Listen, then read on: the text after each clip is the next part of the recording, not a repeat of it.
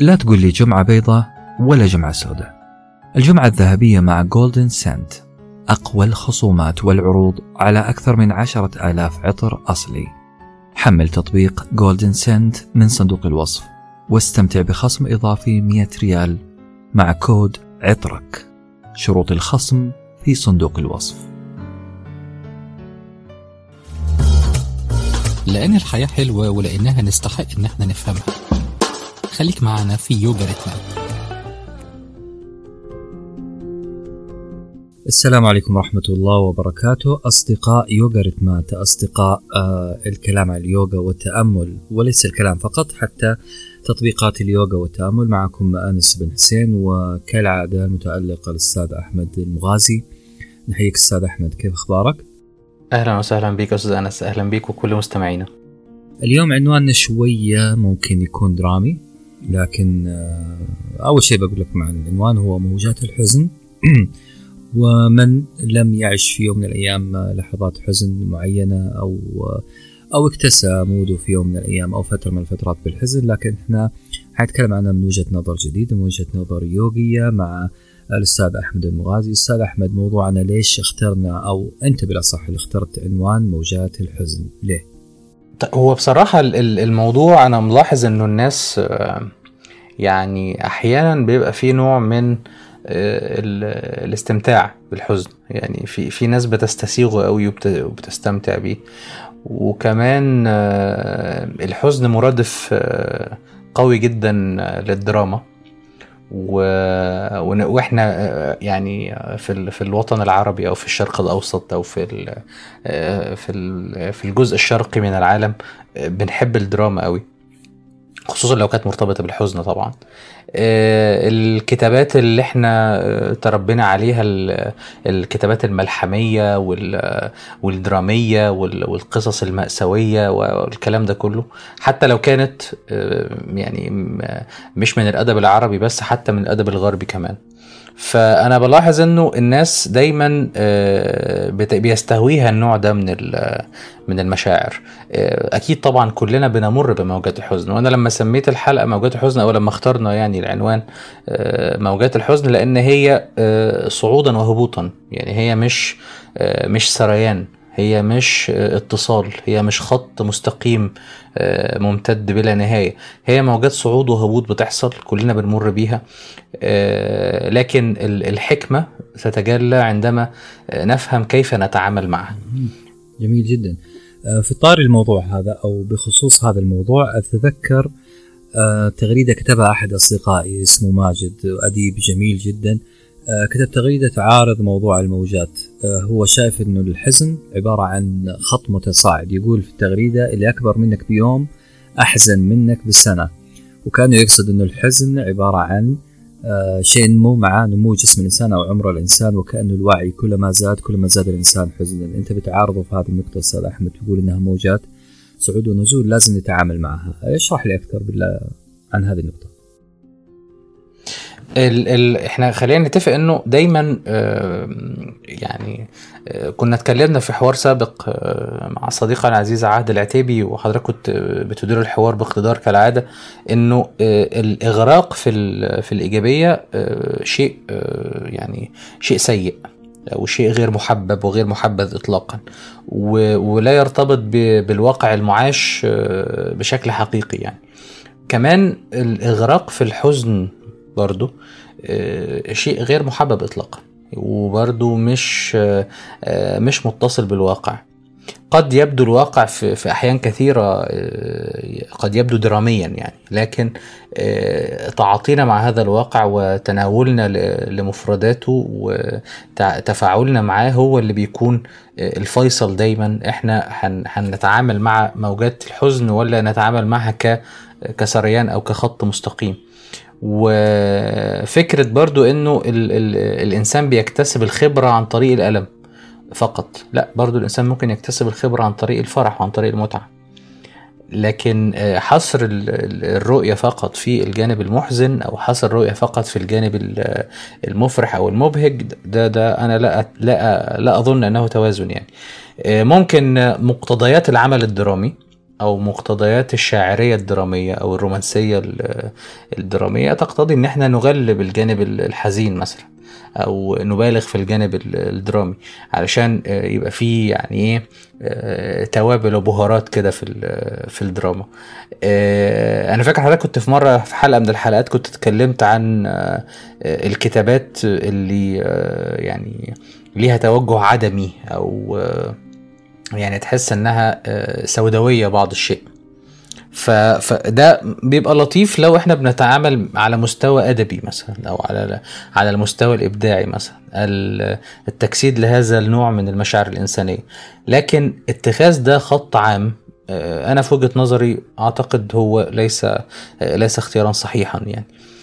بعض الناس بتقول إنه والله أنا أتعامل بكآبة مع الحياة أو أتعامل بنظرة تشاؤمية بعض الشيء مع الحياة لأنه أنا كل كلما ابتهجت كلما أصبت بنكبات أو أصبت بسقطات أو أصبت بمصائب مثلا أو ضغوطات أو ما شابه فأنا خليني في السيف سايد أنا هفترض إن الموضوع يعني الموضوع سواد في سواد أنا تمام. والله حصل حاجة غير كده لطيف مفيش مشكلة ما خسرناش حاجة.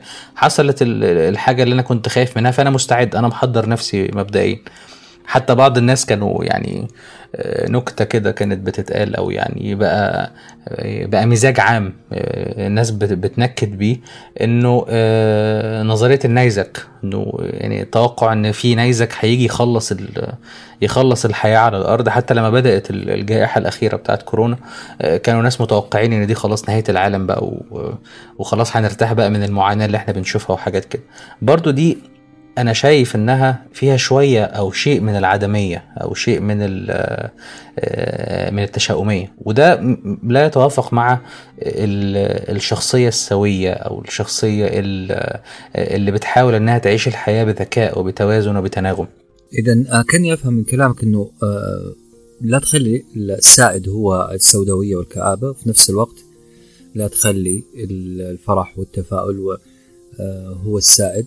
انت عيش الحياة بتوازن. أنا كلمة توازن هذه على قول أغنية مصرية تنصحنا عكس كذا. بتقول سيبوا الكلمة ما تتعبوهاش. لا إحنا حنتعب دي الكلمة. وحان بعرف بالضبط كلمة توازن. بفهمها مضبوط.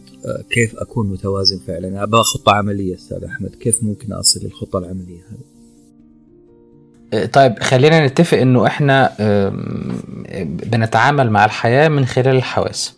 جميل. وهذه الحواس بتنقل لنا مجموعة من المعلومات مجموعة من المفردات مجموعة من ال data أو البيانات وعقلنا بيقوم بتحليلها ويبدأ في تسكين هذا التحليل أو نتاج هذا التحليل في ملفات في الذاكرة الخاصة بنا فإحنا مثلا في اليوجا بنقول إنه عندنا العقل زي ما كنا اتكلمنا قبل كده مقسم لكذا لكذا جانب أو لكذا جزء في اليوجا يعني. قلنا إن في حاجة اسمها المانس اللي هي الذاكرة وعندنا حاجة اسمها الخيال أو ياترا. يعني في حاجة اسمها المانس اللي هو الذاكرة أو كلمة مانس باللغة السنسكريتية تعني الذاكرة وكلمة ياترا معناها الخيال. ف المانس والياترا الاثنين من أهم المميزات اللي عند الإنسان لأن الذاكرة والخيال هم أهم مميزات عند الإنسان. فتخيل معايا مثلا أكيد ليس منا من لم يمر بتجارب محزنة سواء كانت في فقد أو كانت في صدمة نفسية معينة أو وقت ضاغط معين أو خسارة مادية أو فشل دراسي أو اي ايا كان نوع الصدمة اللي أنا مريت بيها أو أي حد من من السادة المستمعين مر بيها وكانت ضاغطة جدا وكانت مزلزلة بالنسبة له. فأكيد العقل بيخزن هذا هذه التجربة وكلما كان العقل أكثر اتساعا أو زي ما كنا اتكلمنا مبدا الفيستارا اللي هو اتساع العقل العقل كان أكثر وعيا يقدر إن هو يخزن هذه التجربة في جانب الدروس ولا يخزنها في جانب الخسائر. اللي دايما بحب بحب بحب نقول عليها أو بن بن بنفضل إن إحنا نسميها جانب البصائر لا في جانب الخسائر. Lessons not losses. لأنه بشكل كبير جدا ال- الشخص الحزين أو اللي هو آه، يتسم بسمت الأسى وال- والدرامية بيخزن أي تجربة هو بيمر بيها أو يعني معظم التجارب السلبية أو التجارب الحزينة اللي هو بيمر بيها بيخزنها في جانب الخسائر. فبالتالي لا يستطيع أن يستخلص منها أي آه، خبرات أو أي آه، إفادة أو أي آه، درس أو أي معنى يغير في حياته. هنلاحظ إنه معظم الناجحين على مستوى العالم مروا بضغوطات شديدة جدا واستطاعوا أن يحولوا هذه الضغوطات إلى نجاحات. استطاعوا أن يماثلوا فكرة تحول الفحم ال- الحجري مع الضغط إلى إلى ألماس إلى حجر كريم. لكن بعض الناس بتفضل إنها تختار الجانب الآخر وتكسل شوية آه، تحس إنها يعني آه، تتبسط شوية أو في يبقى في نوع من ال- الاستمتاع البسيط كده آه، بفكرة ان أنا ضحية أو إنه مثلا تم التأمر عليا أو أنا خسرت مثلا في في عمل أو في دراسة أو في ما شابه أو في علاقة أو كده. فخلينا نتفق إنه ال- الوعي كل ما كان أكثر اتساعا كل ما كان الحواس اللي بتت... بتلتمس الداتا وبتلتمس المعلومات وبتلتمس التجارب كانت آه، أكثر قدرة على التحليل وأكثر قدرة على إيداع ال- التجربة دي في مكانها الصحيح. كمان أنا آه، عشان أتوازن آه، ما ينفعش إن أنا أركز على الجوانب السلبية فقط. يعني دايما دايما بنقول آه، في تمرين دايما كنا بنقوله للناس آه، إنه يا جماعة أنا لو مريت بموقف معين أو موقف ضاغط معين وهذا الموقف كان موقف حزين مثلا آه، الشخص اللي هو أحمد دلوقتي قبل هذا الموقف الحزين كان بشكل وبعد هذا الموقف الحزين كان بشكل تاني. أنا ليه بقول كده؟ ليه بقول بقارن بقارن نفسي قبل وبعد؟ بشوف المميزات اللي أنا اكتسبتها بعد هذا الحادث أو بعد هذه ال- ال- الصدمة أو بعد هذا الموقف المحزن. لأنه لازم أشغل عقلي بشكل آه، متزن. لو أنا اديت ال permission لعقلي إن هو يروح في جانب الحزن آه، ملكة الخيال اللي موجودة عندي في العقل أو اللي بنسميها اليترا هتبدأ إنها تسحبني معاها. وتاخدني معاها في سكة وتبدأ تركب آه، مشاهد و sound tracks وخدع بصرية ومؤثرات سمعية هتاخدني في جانب تاني خالص. ممكن موجات الحزن المتكررة قد تؤدي بيا للسقوط في بئر الاكتئاب. وأبدأ بقى أدخل في قصة آه، تانية خالص آه، علاجات وأدوية وما شابه ذلك. ربنا يعافي الجميع طبعا. فكل ما كان في إمكانية إن أنا آه، يعني أوسع مداركي أكتر أو يتسع عقلي أكتر إن أنا أفرق ما بين الخسائر والبصائر في أي موقف أو أي حدث أنا بتعرض له أعتقد هكون أقرب إلى التوازن. مفيش وصفة سحرية للوصول للتوازن ات وانس يعني هنعمل واحد اتنين تلاتة أربعة هنكون متزنين. كلنا وأنا أولكم بنحاول نكون متزنين. أكيد أنا بيمر عليا لحظات موجات الحزن بتكون عالية آه، جدا و آه، مرهقة جدا وأنا ما بقدرش إن أنا أتعايش معاها بشكل آه، متناغم. وأكيد في أوقات تانية أستطيع إن أنا أعمل ده. آه، التوازن نقدر برضو نقول إن هو بيحصل في شكل موجات. يعني زي ما الحزن بيحصل في شكل موجات التناغم مع الحزن والتفاعل معاه بشكل إيجابي بيحصل في شكل موجات. فخلونا نحاول إن إحنا النهارده نفهم أكتر عن آه، الحزن ومراحله زي ما هنتكلم كمان شوية. آه، في أحد النماذج المهمة جدا آه، اللي آه، اشتهرت عن آه، عالمه النفس كيوبلر روس. هنتكلم عليه إن شاء الله. دلوقتي نفهم إزاي ال- ال- ال- المراحل بتاعه الحزن ودرجات الشعور بالحزن والأسى بتحصل إزاي عند معظم الأشخاص.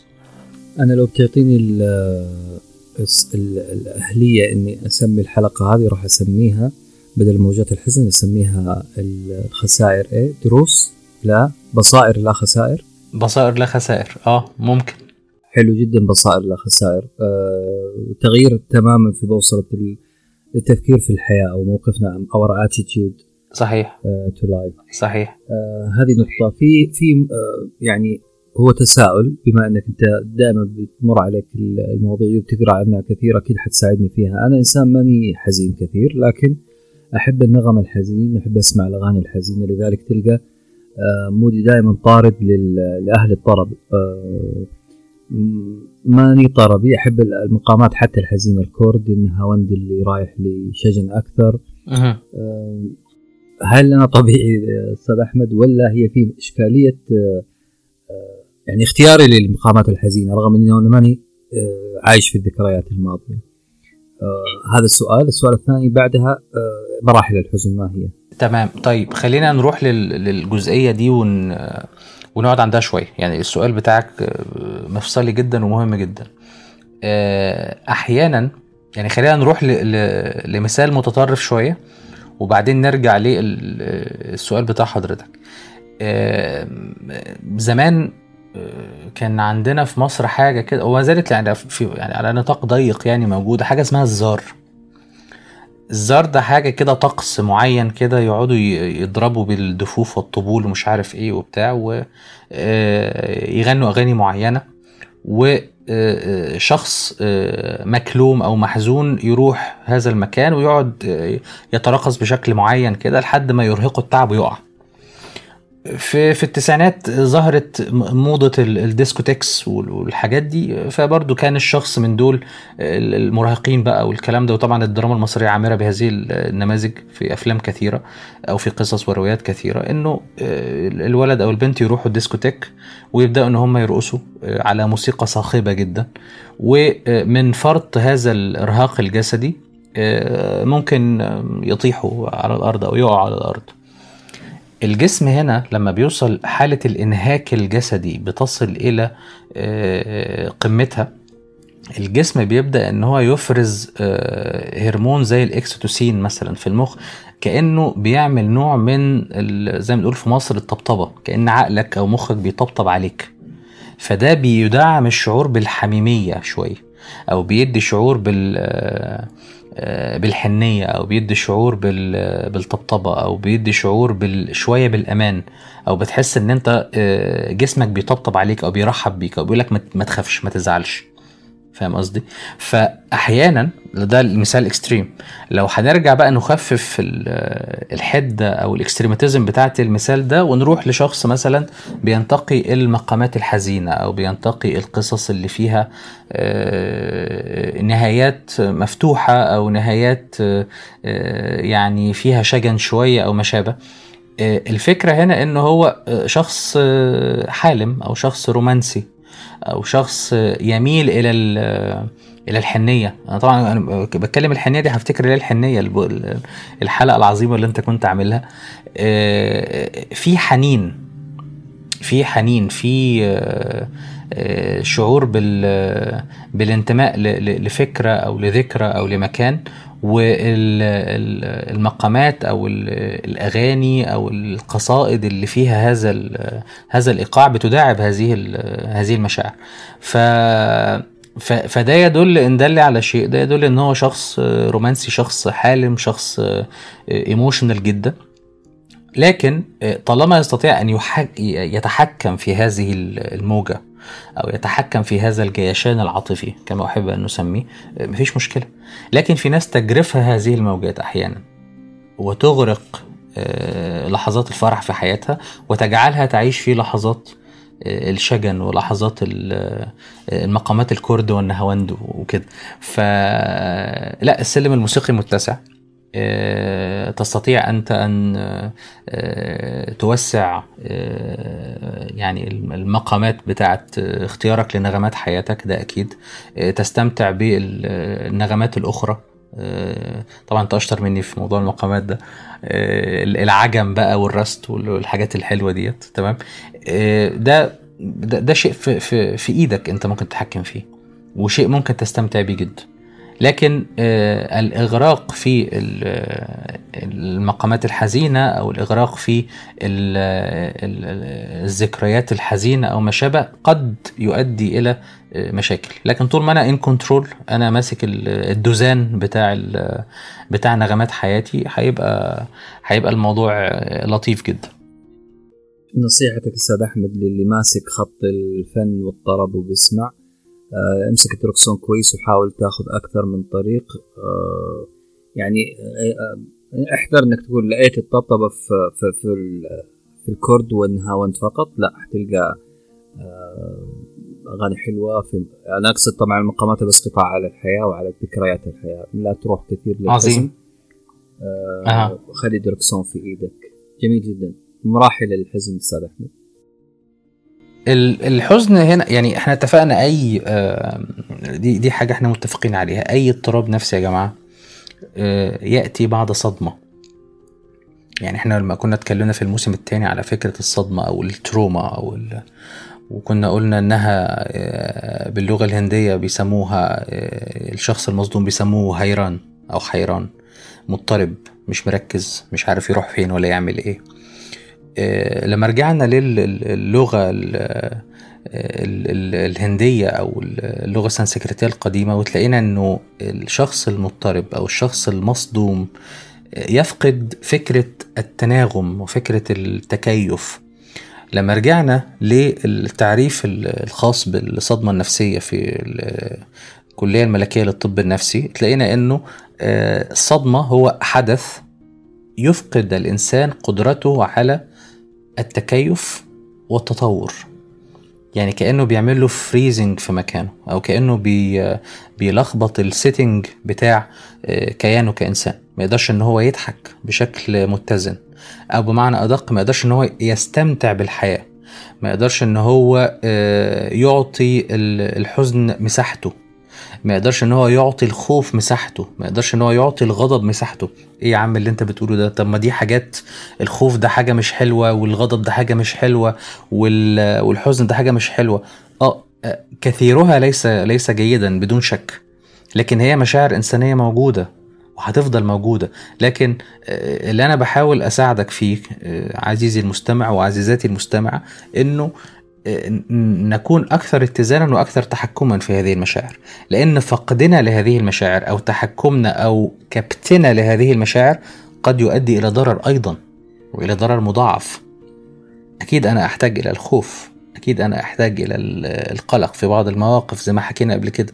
أكيد أحتاج إلى الحزن في بعض المواقف. أكيد أحتاج إلى الغضب في بعض المواقف. لكن التخلص من هذه المشاعر تماما هو شيء غير صحي بالمرة اللي إحنا بنسعى ليه دايما كلنا إن إحنا نتزن في تعاملنا معها نتزن في سيطرتنا عليها ولا نكبتها بالعكس بل نعبر عنها. آه، الحزن هو رد فعل طبيعي لحدوث موقف ما أو حدوث آه، آه، تروما معينة أو موقف صادم معين. والحقيقة العلماء اتكلموا عليه أو الأخصائيين النفسيين يعني اتكلموا عليه. في في في كثير من الكتابات وكثير من المدارس يعني سواء مدرسة فرويد أو مدرسة أدلر أو كارل يونغ أو حتى مدرسة ال logotherapy الخاصة بفيكتور فرانكل. وكذلك ال CBT أو ال cognitive behavioral therapy بتاعت آرون بيك. فالنموذج اللي إحنا هنتكلم عليه النهارده آه، يعني صممته آه، سيدة جميلة اسمها إليزابيث كوبلر روس آه، قالت إنه أي صدمة بتحصل عشان الإنسان يتماهى معاها أو يتفاعل معاها بشكل إيجابي بيمر بمجموعة من المراحل. هذه المراحل تم تقسيمها آه، خمس مراحل. يعني الست آه، إليزابيث بتقول لنا أنه آه، هناك مراحل يمر بها الشخص عند تعرضه لصدمة مثل فقدان شخص عزيز أو خسارة ثروة كبيرة أو أن يتم تشخيصه بمرض عضال مثلا أو يتعرض لصدمة عاطفية. هذه ال ال الأشياء قد تؤثر سلبا على آه، سويته النفسية أو صحته النفسية بالدرجة الأولى. والمراحل الخمسة دول قد تطول إحداها وقد تقصر إحداها. لكن أكيد إحنا كلنا بنمر بيها آه، بالخمس مراحل يعني. لكن الفروق الفردية أو الاختلاف الشخصي بيكون حوالين المدة الخاصة بكل مرحلة. فأول مرحلة بعد أن أتعرض لصدمة معينة زي الأمثال اللي إحنا قلناها فقدان شخص عزيز مثلا أو خسارة في في البيزنس أو خسارة ثروه أو آه، الإصابة آه، بمرض آه، معين أو تعرض لصدمة مثلا. ربنا يعافي الجميع يعني من كل هذه الأشياء. إنه أنا كشخص أنكر هذا هذا الحدث. فلان مثلا توفى مثلا أو فلان يعني متزوج من فلانة فانفصلوا مثلا. أو هي مش عايزة تكمل معاه هو مش عاوز يكمل معاها. ده ب- ب- آه، بيحصل إنكار في هذه المرحلة. دي أول خطوة. العقل مش مصدق لأن ده باترن أو نسق غير اللي العقل متعود عليه. فيبدأ إن هو آه، آه، ينكر هذا الشيء. مش بس ده ك... كنوع من الحماية ل...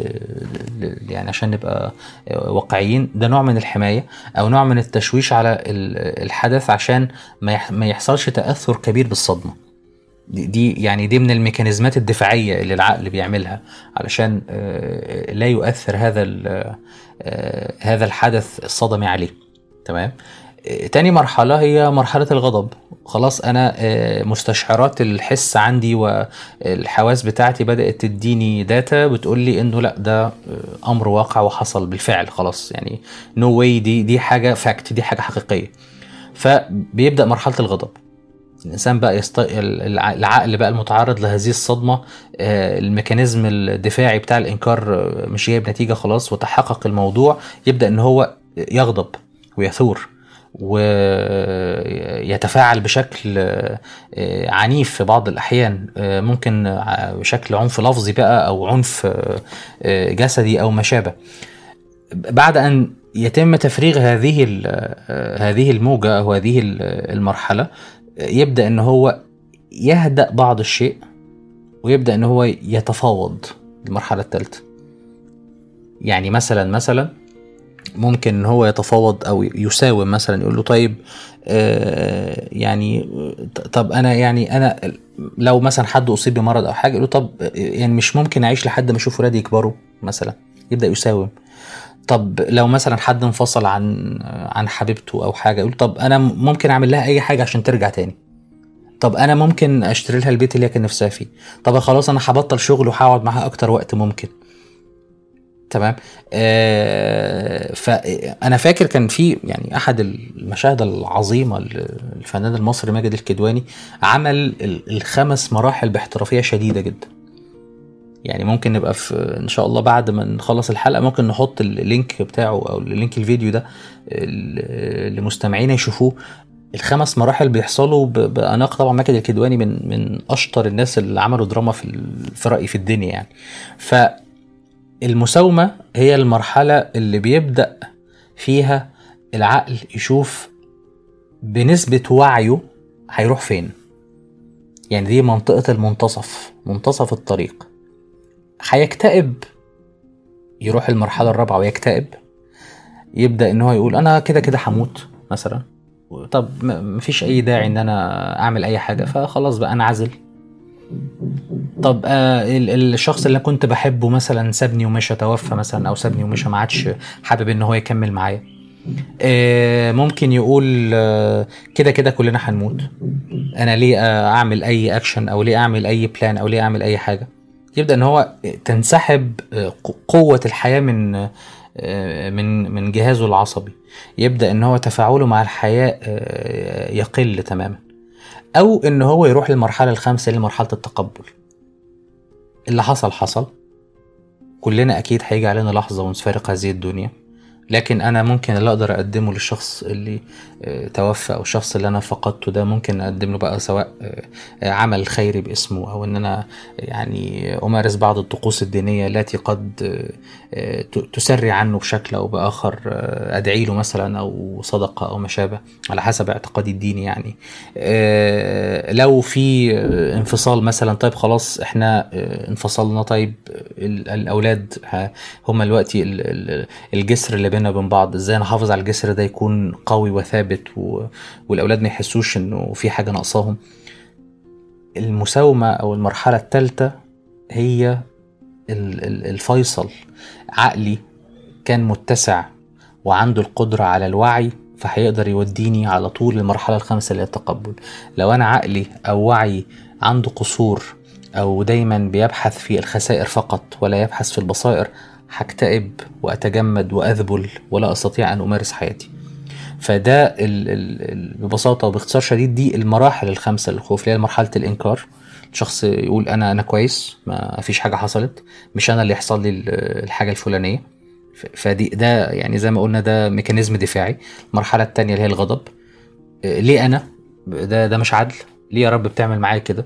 آه، آه، إزاي حصل لي حاجة زي كده؟ مش أنا اللي اللي يحصل لي موقف زي ده. مين اللي كان متسبب في الموضوع ده؟ يبدأ انه يلقي باللائمه على ال- على الآخرين يعني. مرحلة المساومة أو التفاوض هي المرحلة الثالثه يبدأ يشوف إيه اللي ممكن أكسبه إيه اللي ممكن أقدمه أو أضحي بيه عشان يكون فيه في حاجة في المقابل. ولو الإنسان وعيه عالي هيقدر إن هو يروح لمرحلة التقبل. ولو الإنسان وعيه منخفض للأسف هيفضل آه، استقد أو يفضل آه، يعني آه، يعني موجود أو حبيس مرحلة الاكتئاب وتذبل قدرته على ال- الحياة وتذبل آه، إمكانياته في التفاعل مع الحياة. الله يجعلنا من أهل تقبل آه، الحزن لأنه اوريدي موجود في حياتنا وأهل التوازن بحيث دركسون حياتنا في يدنا. وأخيرا من أهل التنوع في المقامات مقامات النظر إلى الحياة بأنها موجات صعود ونزول. استمتعت أستاذ أحمد. أيما استمتاع شكرا لك على إتحافي دائما كالعادة ب آه، الواحد يحتاج يسمع كثير في هذه النقاط ويتذكر إنه آه، الحياة فيها حلو فيها فيها مر لكن شعر رتمات الحياة حلوة. نفهمها بس نفهم آه، كيف نستغل ون- ونستمتع باللحظات الحلوة أو الوقت ال- الجميل في حياتنا. شكرا أستاذ أحمد وأبغى بس منك نبذة بسيطة عن آه، توليفة اليوم أو وجبة اليوم. تمام تمام. النهارده إن شاء الله هيبقى في معانا آه، بإذن الله في تأمل تأمل التقبل وازاي آه، يعني نتفاعل مع أي حدث آه، آه، محزن بشكل سلس وبسيط. فبإذن الله هيكون معانا تأمل التقبل. وهنقول على مجموعة من ال- التمارين اللي بتساعدنا إن إحنا نعمل ريليسنج أو نعمل آه، تحرر من آه، مشاعر الحزن. وهيكون معانا إن شاء الله كمان آه، مداخلة من آه، آه، صديق عزيز هو يعني من أحد أشهر مدربين الصوت والأداء الصوتي الغنائي هنا في مصر ومتعمق جدا في موضوع المقامات. فهيتكلم معانا إزاي النغمة وإزاي الصوت بيؤثر على الحالة المزاجية. وعلاقة ده بال- بالحزن سواء الدخول في الحزن أو الخروج منه. إن شاء الله. ويعني ده نوع من ال- ال- التأصيل العلمي الفني لفكرة آه، العلاج الصوتي أو العلاج بالصوت أو استخدام الصوت في آه، إحداث آه، تشافي أو تعافي من الأزمات النفسية اللي إحنا ممكن نمر بيها. سواء ده كان بقى يعني من خلال ال- yogic mantras أو من خلال ال- التعامل مع النصوص المقدسة أو ال- ال- ال- الأغاني أو ال- الطرب أو المزيكا. فهنحاول إن إحنا يعني ندي كده خلاصة آه، من هذه آه، المعلومات وهذه الأفكار حوالين فكرة تأثير الصوت على الحالة المزاجية وتحسينها. آه، هيكون معانا الأستاذ إسلام منير هو من المتخصصين ال- ال- المحترفين في مجال ال- التدريب الصوتي والأداء الصوتي الغنائي. إن شاء الله أعتقد هتكون وجبة يعني ممتعة. ونتمنى أن إحنا نكون أكثر تناغما وأكثر تقبلا لجميع أحداث الحياة. والله ما يغير علينا إلا للأحسن. الله لا يغير علينا. هذه أغنية الراشد الماجد. أنا قاعد نلعب تنس طاولة. أنا الله. لك أغاني مصرية أنت ترمي لي سعودية. طيب أستاذ أحمد. جميل جميل جدا. شكرا أستاذ أحمد. آه، سخاء منك هذه الإضافات. كالعادة وجبات دسمه إن شاء الله بإذن الله. ونترككم الآن مع آه، الوجبات اللي اختارها أستاذ أحمد. شكرا أستاذ أحمد وفي أمان الله. شكرا جزيلا. أحيان كتيرة جدا بينتابنا شعور الحزن لأسباب متعددة. ممكن يكون موقف تعرضنا له ممكن تكون فكرة سلبية تلقيناها من أحد الأصدقاء أو أحد الأشخاص الموجودين في محيطنا. ممكن تكون نظرة سلبية لنفسنا ولأفكارنا ولعلاقاتنا ولتجاربنا وهنلاحظ دايما إنه ال- العنصر الفعال والأساسي في تكون شعور الحزن هو البرمجة اللي إحنا اتبرمجناها منذ أن كنا اطفالا. في اليوجا بنسمي البرمجة دي سامسكارا معناها التجارب التي مررنا بها أو الداتا أو المعلومات اللي إحنا تغذينا عليها منذ أن كنا أطفالا. علشان نقدر نحرر نفسنا من آه، السامسكارا السلبية أو البرمجة السلبية اللي بتتسبب لنا في شعورنا بالحزن محتاجين إن إحنا نمشي مع بعض مجموعة من آه، الخطوات أو بمعنى أصح إن إحنا نعمل مجموعة من الخطوات اللي هنقولها دلوقتي. أول خطوة وأهم خطوة إن إحنا نتنفس بعمق. التنفس أو البرانيام هي آه، من أحد الأركان الثمانيه لليوجا واللي بتساعدنا إن إحنا نعزز الطاقة الداخلية في أجسامنا وبتساعدنا إن إحنا آه، نخلي كل جزء من أجزاء جسمنا يقوم بوظيفته الحيوية بأفضل شكل ممكن.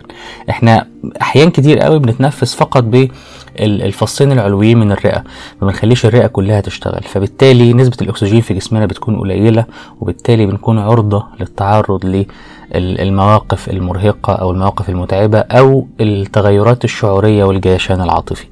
خلينا نتفق إنه من أبسط التمارين اللي إحنا ممكن نعملها لتمارين التنفس عشان آه، يكون تفاعلنا مع أي شعور سلبي آه، تفاعل إيجابي ونقدر إن إحنا نتخطاه بسهولة هو تمرين تنفس أربعة ستة. أربعة ستة هو آه، رقم أربعة هو عدد آه، العدات اللي إحنا بنعدها لما ناخد آه، الشهيق. بناخد شهيق لمدة أربع عدات واحد اتنين تلاتة أربعة شهيق. وبعدين بنطلع زفير قوي لمدة ست عدات واحد اتنين تلاتة أربعة خمسة ستة. في تمرين تاني برضو ممكن نعمله بعد هذا التمرين هو تمرين أربعة أربعة. أربع تنفسات من الأنف شهيقا ثم نكتم لمدة ثانيتين أو ثلاث ثواني ثم نخرج الزفير في أربع عدات أيضا.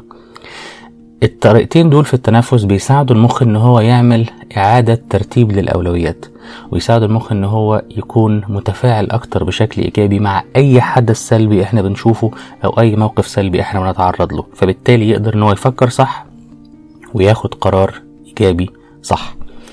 الفكرة التانية أو الخطوة التانية إن إحنا محتاجين نقدم المساعدة للناس اللي حوالينا. كان في قصة سمعتها من ساد جورو بيقول إنه آه، أحد الأطفال أو يعني آه، آه، أخ وشقيقته في أثناء الحرب العالمية في ألمانيا كانوا بيعانوا من من فقدهم لأسرتهم كلها أثناء الحرب. فالأخت كانت حريصة جدا إنها تحافظ على أخوها وإن هم ينتقلوا من المكان اللي كان فيه المعارك وكان فيه الدمار إلى مكان تاني أكثر امانا. فأثناء الانتقال عن طريق القطار الأخ فقد الحذاء بتاعه. فالأخت عنفت أخوها جدا وقالت له إزاي أنت تفقد حذائك؟ أنت مش شايف إن الجو برد قارس جدا فمعنى إن أنت فقدت حذائك إن أنت ممكن تفقد رجليك كمان من شدة البرودة. فعنفته جدا لكن هي كان نيتها طبعا إنها تحافظ عليه وإنها تنبهه يعني لكن كلامها معاه كان سلبي جدا. أثناء الانتقال فقدت هذا الأخ أيضا وفضلت طول عمرها مش قادرة تشوفه مش قادرة تتواصل معاه ومش قادرة توصل له. ويعني آه، هي توفت في عمر متقدمة مثلا في السبعين أو في الثمانين لكن خلال عمرها كله قالت علشان أعالج هذا الحزن الناجم عن هذا الموقف اتعلمت درس إنه مهما كانت الظروف سيئة حواليا إن أنا أقول كلمة طيبة أو إن أنا أتعامل بشكل لطيف مع الناس اللي حواليا مهما أنا كنت مضغوطة. لأن آخر كلمة قلتها لأخويا اللي أنا بحبه واللي أنا كان ممكن أفديه بعمري كانت كلمة سلبية ودي كانت آخر آه، كان آخر عهدي بيه إن أنا قلت له كلام سلبي. فالفكرة هنا إن إحنا محتاجين نقدم المساعدة للناس اللي حوالينا حتى لو كنا إحنا بنمر بظروف ضغط. لأن لو أنت ساعدت فأنت أكيد هتتساعد. الفكرة اللي بعد كده إن إحنا محتاجين نعمل زوم آه، ان أو نعمل فوكس على اللحظات الحلوة اللي بنمر بيها في حياتنا أو اللي إحنا بنشوفها في حياتنا. ونعمل لها آه، يعني نعمل لها تكبير ونعمل لها إكبار ونعمل لها تقدير. لأن ده بيساعدنا كتير جدا إن إحنا آه، نعزز التفكير الإيجابي المتزن. لدينا وبيخلينا كمان نفكر إن بكرة أكيد ممكن يكون أحلى. نتعامل يا ريت كمان بروحية الطفل أو نتعامل بالطريقة الطفولية للفرحة. ما تتكسفش ابدا إن أنت تعبر عن فرحتك أو ما تتكسفش ابدا إن أنت تعبر عن نفسك بطريقة طفولية. حافظ على براءة الطفل الداخلي الذي سيساعدك أن تتجاوز مرحلة الحزن اللي أنت بتواجهها. تخطي المشاكل يكون عن طريق التنفس وعن طريق التفكير الإيجابي المتزن وعن طريق إن أنت دايما دايما دايما بتعبر عن ما يضايقك. ما تحاولش ابدا ابدا إن أنت تكتم مشاعر سلبية جواك.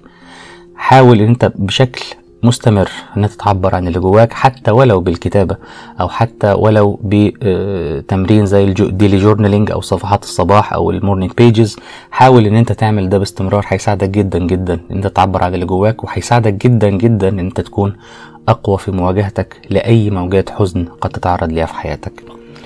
طبعا أكيد مش هوصيكم على ممارسة الرياضة وخصوصا اليوجا لأن اليوجا بتساعد على تواصل القلب والعقل والروح والجسم وده بيخليك في مواجهة أي موجة من موجات الحزن أقوى وأكثر ثباتا وأكثر تناغما لأن مش عقلك بس ولا قلبك بس ولا جسمك بس ولا روحك بس كل مكونات كيانك بتساعدك إن أنت تتخطى هذه الموجة من الحزن.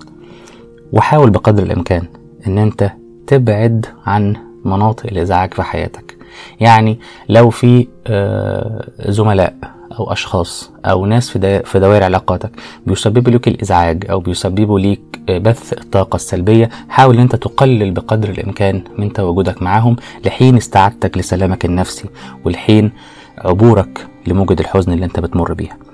النهارده بإذن الله هنعمل تأمل التقبل لكن من الحاجات الجميلة جدا اللي بتساعدنا إن إحنا نحسن الحالة المزاجية هو الاستماع للموسيقى وتاثير الصوت الموسيقي أو الصوت المنغم على حالتنا المزاجية. هنعرف عنه أكتر لما نسمع مداخلة قيمة جدا من الباحث الفنان إسلام منير. هو أحد أشهر مدربي الأداء الصوتي الموسيقي في مصر. هيسمع يتكلم معانا دلوقتي وهيسمعنا رأيه حوالين فكرة تأثير الصوت على الحالة المزاجية.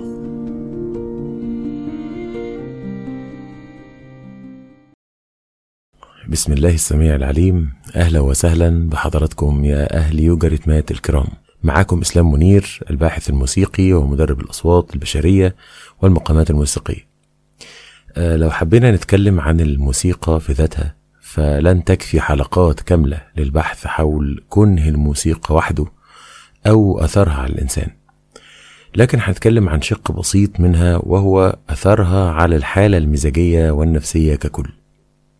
الموسيقى استخدمت من قرون عديدة كطقوس دينية وطرق علاجية لطرد الأرواح الشريرة من أبدان المرضى كما كان يعتقد في ذلك الوقت. فمثلا يعتبر أبولو أحد آلهة الإغريق. كان إله للموسيقى والطب أسكليبيوس أشار لاستخدام الموسيقى في علاج أمراض العقل. الموسيقى كمان استخدمت كعلاج في المعابد المصرية القديمة وحتى كمان في المارستانات في الحضارة العربية الإسلامية. أفلاطون قال إن الموسيقى تؤثر على العواطف وبالتالي تؤثر على طبيعة الفرد. أما أرسطو فقال إن الموسيقى تؤثر على الروح ووصف الموسيقى كقوة تطهر المشاعر.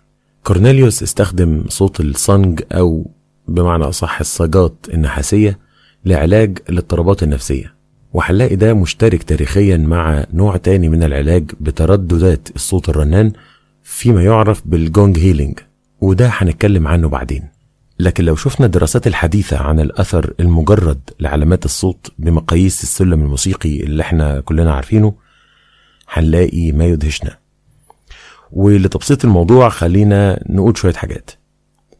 الصوت الموسيقي الواحد اسمه علامة أو نوت زي كده. والفرق بين أي علامتين اسمه نغمة.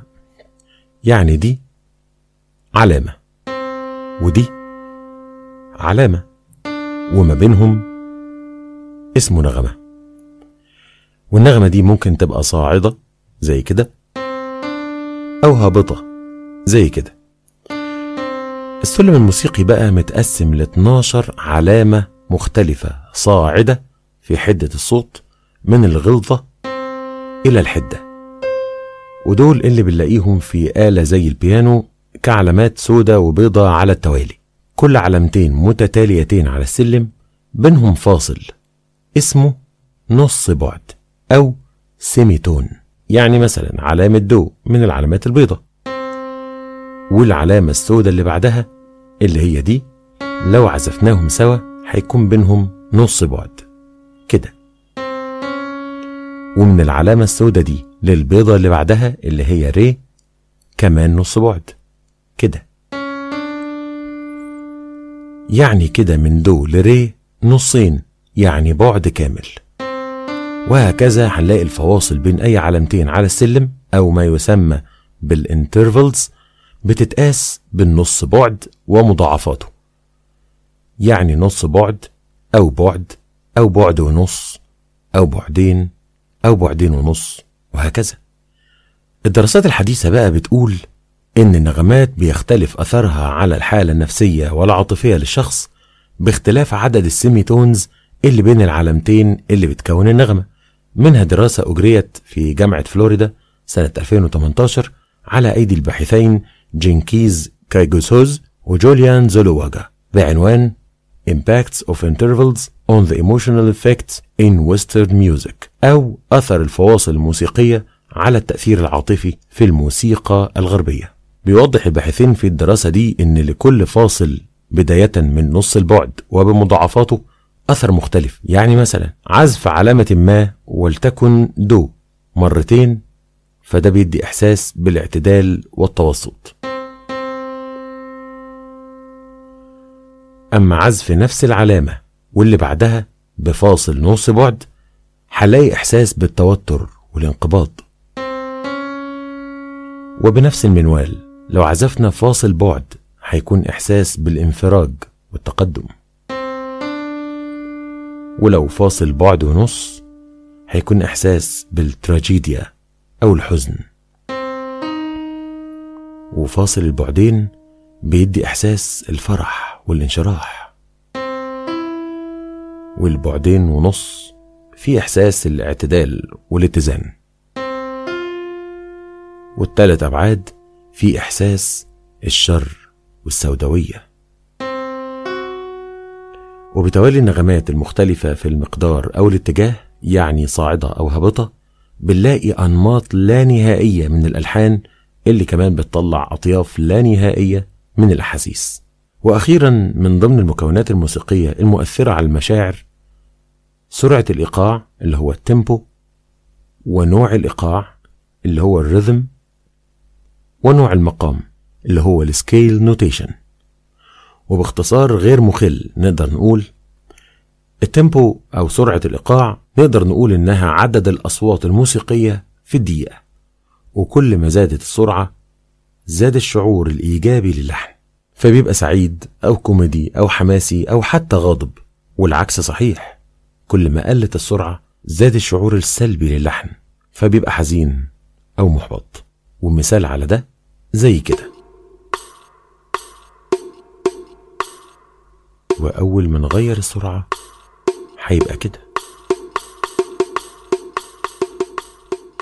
الريتم أو نوع الإيقاع نقدر نقول إنه مدى كثافة الإيقاع نفسه أو نسبة وجود تفاصيل داخل نفس الإيقاع على نفس السرعة.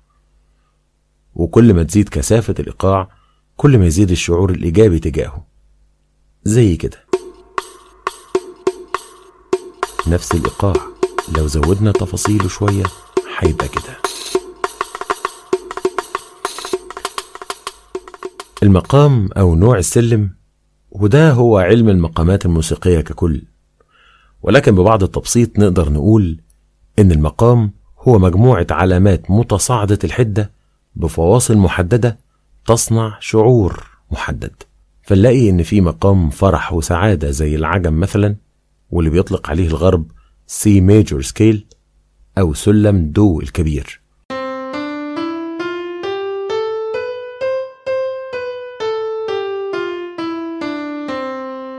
وفي مقام حزن أو خوف زي النهاوند مثلا واللي بيطلق عليه الغرب A minor scale أو سلم لا الصغير.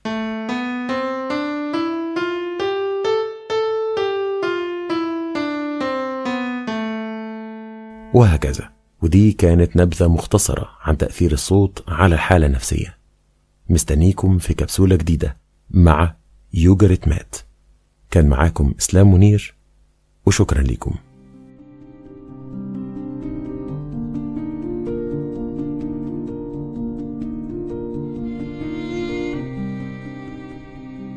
مرحبا بكم مرة أخرى.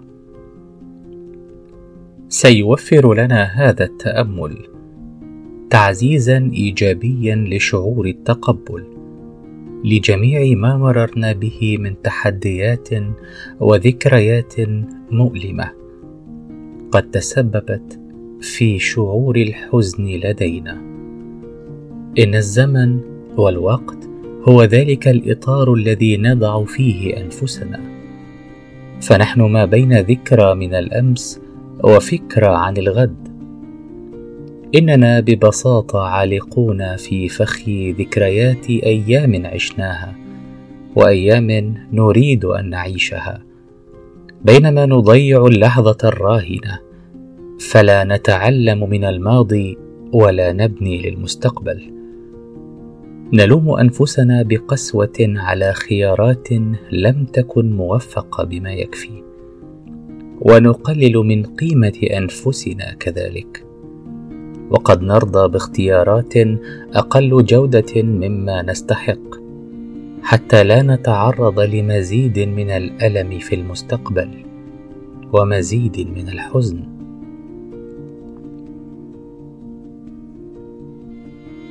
إنني أدعوك الآن لتجلس بهدوء لكي ترى نفسك بعين مختلفة وتصور مختلف. أنت هذا الكائن النابض بالحياة والممتلئ بأسرار وأنوار وقدرات وخبرات وتحديات يمكنها أن تتفاعل معا فتنقلك نحو آفاق جديدة ممتعة. لماذا تحصر نفسك بين قوسين؟ قوس الماضي والحزن عليه وقوس المستقبل والتخوف منه. أنت لست كلمة خجولة أو مصطلح غريب عن السياق لكي توضع بين قوسين. مكانك على رأس الصفحة وفي صدر الموضوع وفي ختام الفقرات. عزيزي أنت مادة الكلام وأنت أصل الموضوع بل أنت كل الموضوع. فلا تحصر نفسك بين قوسين. لا تسمح لعقلك أن يدور بك في مدارات التفكير القاتل. لا تسمح لكوكب الماضي أن يجذبك نحو فضائه وفلكه. ولا تترك نفسك رهينة لرؤية المستقبل على أنه ثقب أسود يمتصك ويفنيك. لحظة. كل ما تحتاج إليه هو لحظة. تسكن فيها لكي تتقبل نفسك وتتقبل أفكارك وذكرياتك لكي تعرف قوة الآن. أوقف الزمن. واجلس بهدوء. أغمض عينيك وليرتخي كتفيك ولتسترخي أجزاء جسدك المتعب. استشعر الهواء الذي يلامس وجنتيك. تنفس بعمق شهيقا وزفيرا. رئتيك تحتاج دفعات أكثر من الهواء. كي تواجه هذا الحزن القابع في قلبك القابع في رئتيك. والذي كلما اتسع الهواء في رئتيك كلما غادر الحزن تلك الأماكن التي احتلها في رئتيك وقلبك. استرخي وتنفس. أعطي نفسك حق الحياة وتنفس. سيحاول عقلك المقاومة ويسترجع بعض الأحزان السابقة التي مضت فلا تلتفت فقط تنفس. تنفس بعمق شهيقا وزفيرا. املأ رئتيك وقلبك بالهواء. أرهف السمع. قلبك يتفاعل معك.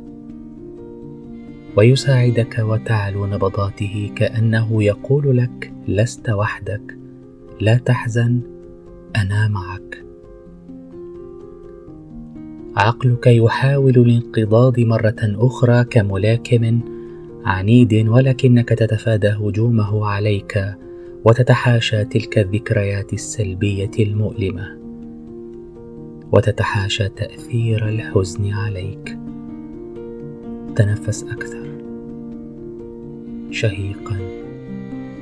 زفيرا. شهيقا. زفيرا. بعمق أكثر. شهيق. زفير. ها هي قوة الملاكم العنيد تتلاشى وتذهب بعيدا. وموسيقى قلبك النابض تعلو أنفاسك تتسع. تنفس أكثر. تنفس. شهيق. زفير. احتفي بموسيقى نبضات القلب. ابق حيا. واستمتع بقوة التقبل.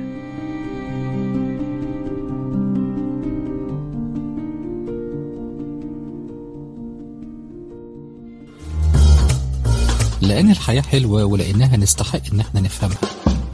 خليك معنا في يوجا ريتمات